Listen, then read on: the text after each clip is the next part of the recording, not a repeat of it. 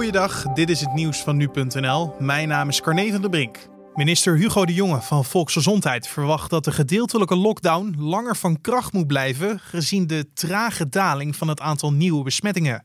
Dit betekent dat het pakket met aangescherpte coronamaatregelen ook na half januari zal gelden.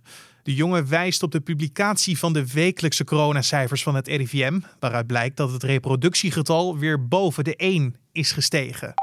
Het RIVM schrijft vandaag bij de wekelijkse update van de coronacijfers dat vrijwel alle leeftijdsgroepen minder vaak positief testen op het virus. Alleen jongeren tot 17 jaar testen vaker op het coronavirus. En volgens een woordvoerder van het RIVM gebeurt dat in vrijwel alle gevallen op school. Het Outbreak Management Team adviseerde vandaag om de kerstvakantie met één week te verlengen. Het kabinet wil pas op 8 december een knoop doorhakken over eventuele nieuwe maatregelen. Thierry Baudet is geen voorzitter meer van Forum voor Democratie. Vicevoorzitter Lennart van der Linden neemt zijn taken voorlopig waar. Ik neem eh, de ultieme politieke verantwoordelijkheid uh, ik treed terug als nummer 1 op de kieslijst. Uh, al dit soort verwijten die de partij steeds worden ten nagedragen, hebben geen plek bij Forum voor Democratie, horen niet bij een liberaal-conservatieve partij.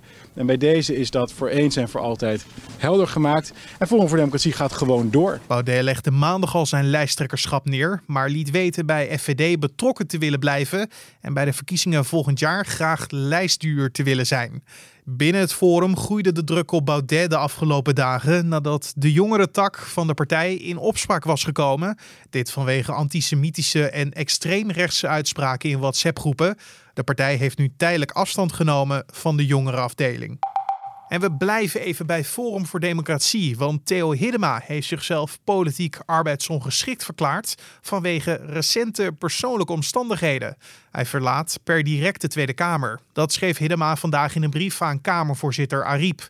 Hiddema's vertrek heeft te maken met goede smaak, eigendunk en arbeidsvreugde, al dus de brief. De korte verklaring kwam als een verrassing voor de voorzitter. Ik denk dat jullie, uh, net als uh, ik, een beetje overvallen zijn door dit nieuws. Dat kan ik me heel goed voorstellen. We gaan uw markante verschijning en uw authentieke invalshoeken ontzettend missen. Het gaat u goed. Dank u wel. En tot zover de nieuwsupdate van nu.nl.